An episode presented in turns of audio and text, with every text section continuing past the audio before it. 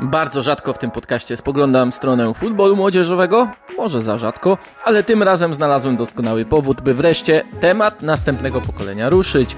Po pierwsze, reprezentacja Polski do lat 17 pokonała ostatnio Anglię 5 do 0.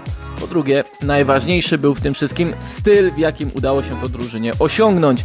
Tym chciałem się zająć, dlatego do podcastu zaprosiłem jednego z kluczowych zawodników tej kadry oraz piłkarza, który już wchodzi do ekstraklasy, a więc Karola Borysa ze Śląska Wrocław. Niech to będzie głos nowego pokolenia polskiego futbolu. To podcast zachodny do tablicy, który możecie znaleźć na platformach Spotify, YouTube oraz Google, a mnie możecie oglądać tydzień w tydzień w Viaplay.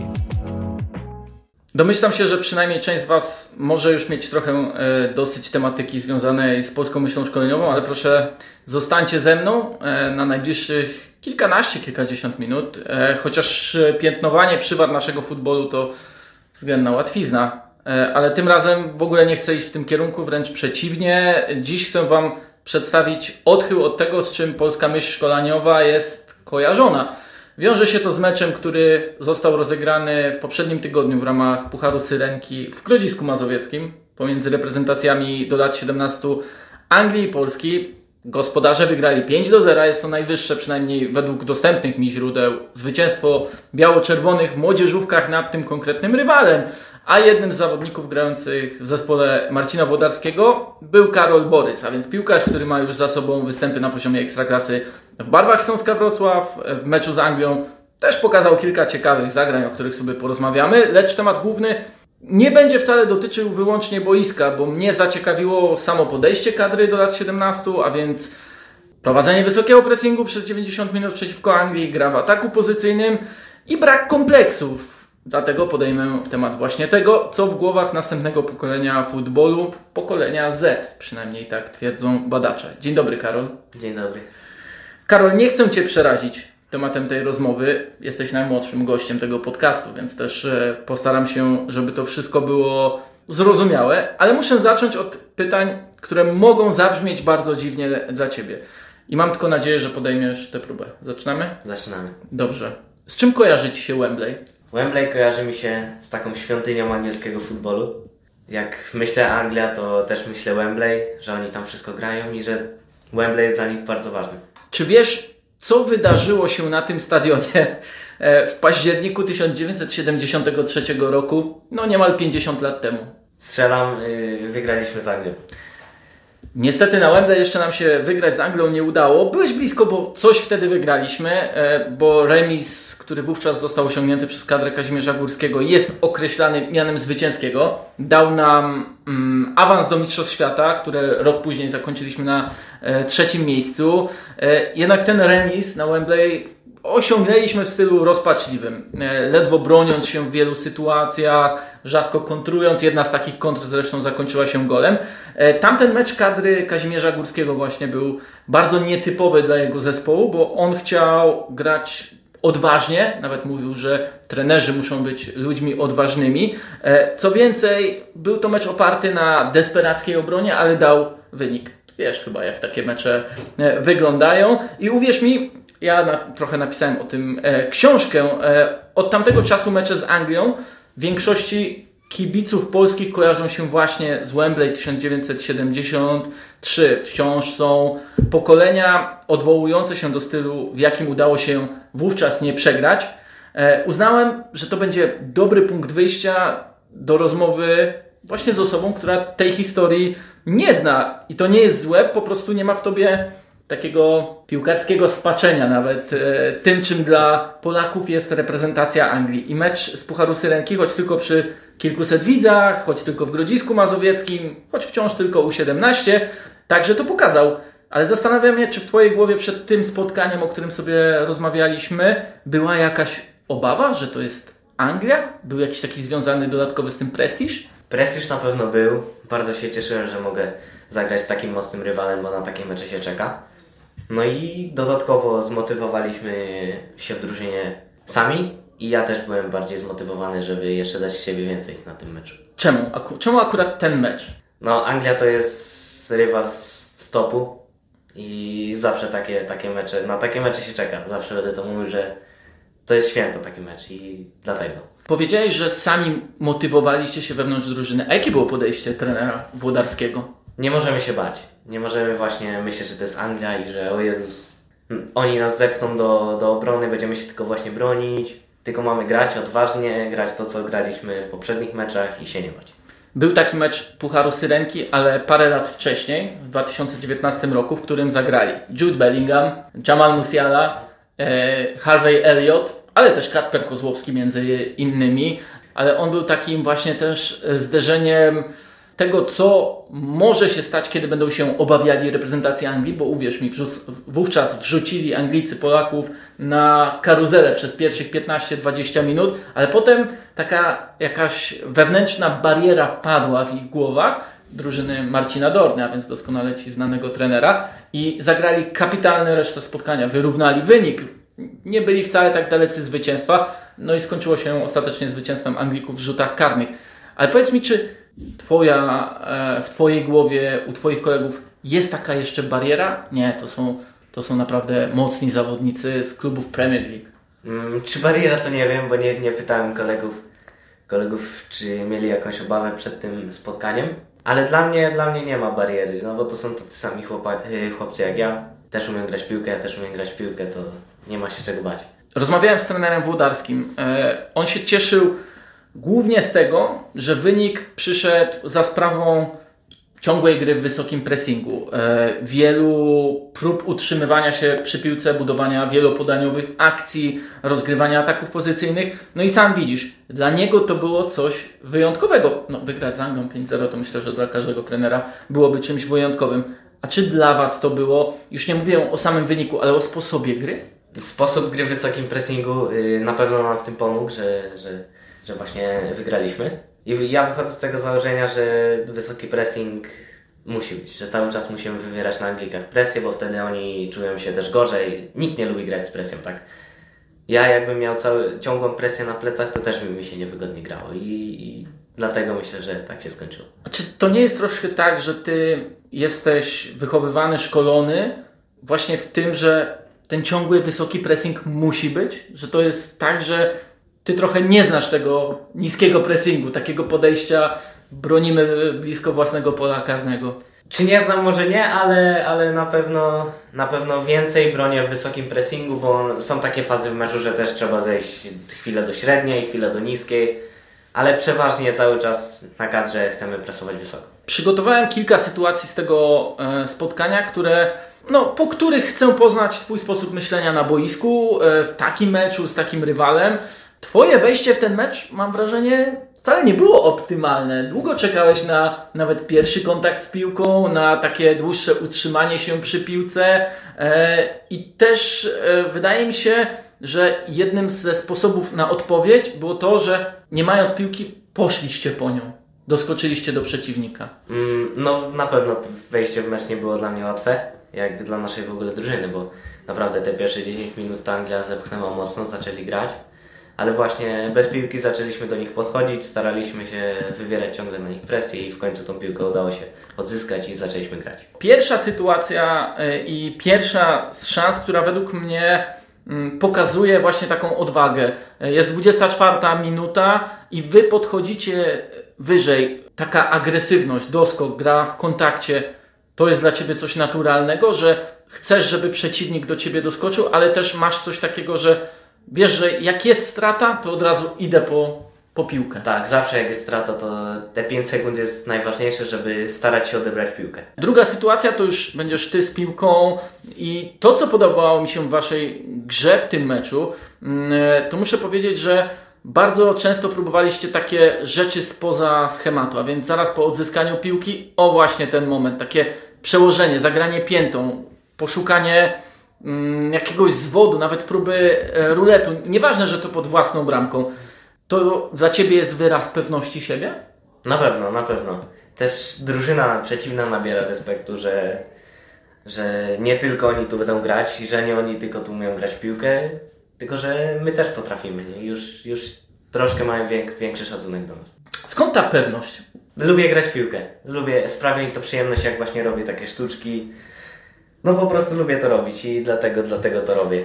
Mam taką teorię, może się z nią zgodzisz, może nie, że o ile młodzi piłkarze w Polsce, co jest dosyć oczywiste, patrzą na Roberta Lewandowskiego jako tego idola, zawodnika, który osiągnął absolutnie wszystko, to jednak tak po piłkarsku nie wiem, czy nie bardziej wy młodzi zwracacie uwagę na Piotra Zielińskiego i to, co on potrafi zrobić z piłką, to jak on się bawi właśnie, lubi to. Dla mnie yy, wzorem do, z mojej pozycji to jest właśnie Piotr Zieliński. Bardziej na niego patrzę. Umie wszystko prawie praktycznie z piłką zrobić i to mi imponuje i też bardzo lubię go oglądać. A Robert Lewandowski, no to wiadomo, to jest Robert Lewandowski, to jest... To tak, czy coś pamiętasz takiego w grze Piotra Zielińskiego? Może jest jakiś taki jeden aspekt, no wiadomo, on, tak jak powiedziałeś, potrafi wszystko, ale czy masz coś takiego, co szczególnie wyciągasz, wyciągasz do tego, co ty chcesz grać? Przyjęcie piłki. Tyłem do bramki, na przykład właśnie te przyjęcia piętką. To I to między, była taka sytuacja, między, jaką oglądaliśmy, Tak, prawda? między innymi to bardzo lubię oglądać w jego grze. Podania prostopadłe, to które zagrał do Przemysława Frankowskiego i yy, Przemysław dał wzdłuż do Arka Milika.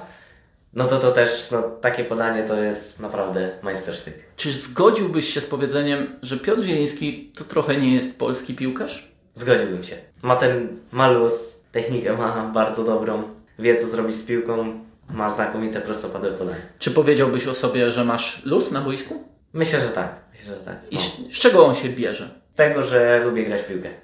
I nie boję się, nie boję się grać. Wychodzę z tego założenia, że jak coś się umie, no to dlaczego mam tego nie robić, tak?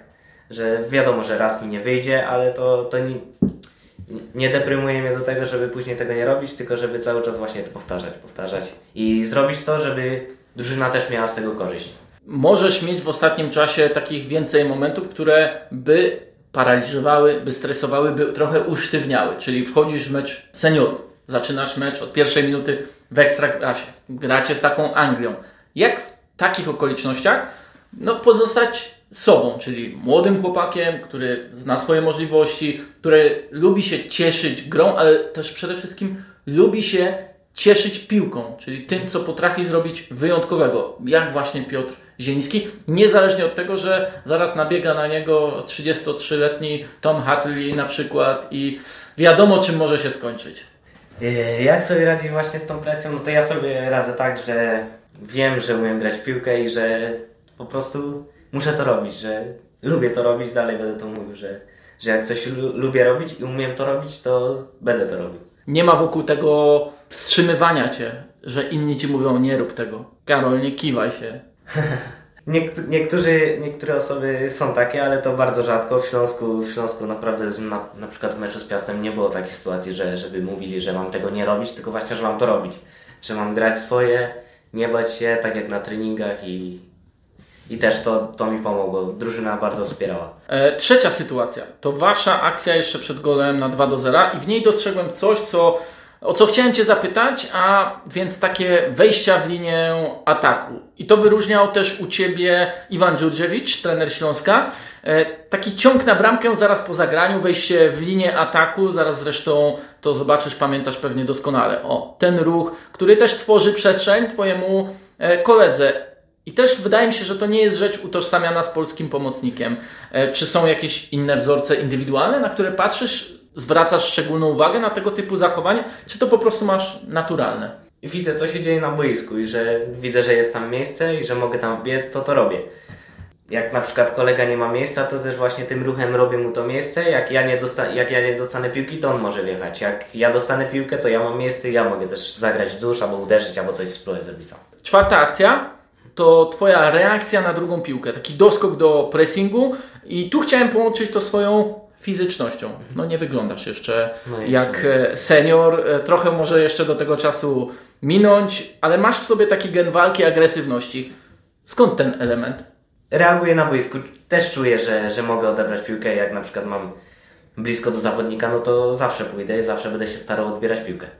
To przejdźmy do sytuacji właśnie z golem e, na 2 do 0 tuż przed przerwą i tak jak mówiłem, uwielbiam tę akcję, bo jest w niej mnóstwo pewności siebie. Od tego wejścia Patryka Olejnika, które będzie zaraz e, widoczne, e, jak się Jan Faberski utrzymał przy piłce i ten twój pierwszy kontakt z piłką też prosta rzecz, ale wydawałaby się niepotrzebna nawet w tej sytuacji, ale coś takiego, co daje jeszcze element ekstra, plus to podanie.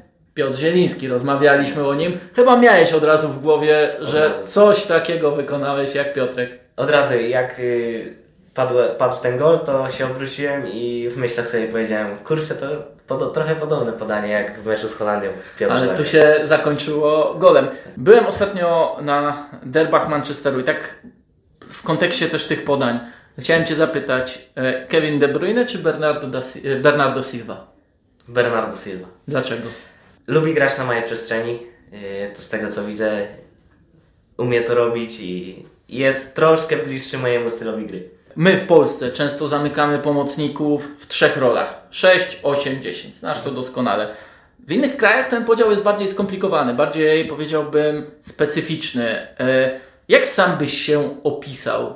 Nawet niekoniecznie właśnie numerami, ale nie wiem, umiejętnościami, chęcią zajmowania jakichś konkretnych przestrzeni, e, sposobem gry. Mm, Na jakiej pozycji, tak? Y, Na jakim miejscu w boisku mi się Tak. Między kołem a szesnastką. I Na połowie przeciwnika. na połowie przeciwnika, tak. I w, na szerokość biegać. I tam szukać sobie miejsca wolnego. między liniami obrony i pomocy przeciwnika, tak? tak. Czyli taka, taki bardzo zaangażowany, ciągle będący w ruchu, ale zawodnik bliżej tego, co my myślimy o dziesiątce. Tak. I tutaj Bernardo Silva chyba pasuje właśnie idealnie, Do bo tego. on jest takim zawodnikiem, który potrafi łączyć, łączyć grę z innymi zawodnikami na różnych pozycjach. Tak, tak, tak. Sprawdźmy e, sytuację szóstą. Macie dwubramkową przewagę, gracie na własnej połowie, budujecie atak. Dużo w tym cierpliwości, dużo w tym ryzyka. Jesteś daleko od akcji, ale też cały czas coś pokazujesz, jakbyś chciał kierować grą zespołu. I to też jest dla Ciebie naturalne, takie bycie liderem. I znów to wbiegnięcie, tutaj nawet specjalnie podkreśliłem, to wejście z głębi pola, ten ruch za nas po zagraniu piłki, a więc przyspieszenie i wejście wyżej. To jest coś takiego, na co trenerzy muszą dawać Ci przyzwolenie, czy też do czego e, Cię prowokowali i stąd masz to naturalne? Myślę, że trenerzy właśnie pozwalają mi to robić, nawet mówią, żebym tak robił i to jest naturalne na boisku. Widzę przestrzeń, biegnę. Pomocnik musi kierować, musi kierować grą, być liderem, no bo y, słyszałem takie powiedzenie, że kto ma lepszy środek pola, ten wygrywa, tak. I właśnie staram się cały czas pomagać y, drużynie, obrońcom, kiedy jeszcze pograć, kiedy można już grać piłkę i cały czas pokazuję właśnie, jak, jak widać. Jakby tak spojrzeć szerzej na ten na futbol z najwyższego poziomu, to tych defensywnych pomocników, takich stricte szóstek, już praktycznie nie ma. Czy ty dostrzegasz też, że w Twoich rocznikach, w Twoich meczach młodzieżowych reprezentacji piłkarze z tej strefy no, muszą po prostu potrafić wszystko? Jasne, muszą. Jak potrafię atakować, to też muszę potrafić bronić. I to tak musi być teraz w piłce nożnej. Jaka jest faktyczna fizyczność takich spotkań, jak właśnie z Anglikami, gdzie nie macie tej przewagi, gdzie oni wyglądają na trochę wyższych, gdzie to jest mimo wszystko, to było naprawdę intensywne, e, bardzo też e, fizyczne spotkanie pod względem choćby liczby właśnie pojedynków, liczby tych driblingów, liczby doskoków pressingowych. Jakbyś to nawet porównał e, do meczu ekstraklasy? No wiadomo, w meczu ekstraklasy to jest, to jest wyższe, wyższe, wyższa intensywność, wyższa, wyższa fizyczność, ale tu też, była, tu też była duża intensywność i myślę, że tą fizyczność, której nie mieliśmy, nadrabialiśmy zaangażowaniem i że cały czas chcemy wygrać pojedynek jeden na jeden i po prostu wygrać. Czym są dla Ciebie nawyki juniorskie? W juniorach, y, jak jeszcze grałem, niekiedy mi się też zdarzy zagrać w juniorach teraz, no to szybciej, w seniorach szybciej trzeba grać, podejmować decyzje. Juniorzy dużo biegają, w każdej strefie chcą być, bo chcą dostać piłkę, a w seniorach to już każdy ma swój sektor i w tym sektorze trzeba się poruszać. Myślę, że szybkość operowania piłką też y, w juniorach jest, można sobie na więcej kontaktów pozwolić, a w seniorach już nie, bo już zaraz jest presja, zaraz jest odbiór i doskok. Ale po tobie nie widać, żebyś się ograniczał pod względem liczby kontaktów w tych meczach ekstraklasowych. Bo to jakby trzeba szybko, bo jak wiadomo, jakbym wolno robił 30 kontaktów wolno na przykład, to bym dostał odbiór, ale jak zrobię 30 kontaktów szybko, no to to nie dostanę. Dużo o tym mówiliśmy mimochodem, ale muszę jeszcze sprecyzować coś, co w kontekście przyszłości polskiej piłki uważam za kwestię ważną. Czym jest dla Ciebie odwaga w grze? Odwaga. Żeby pokazywać swoje umiejętności.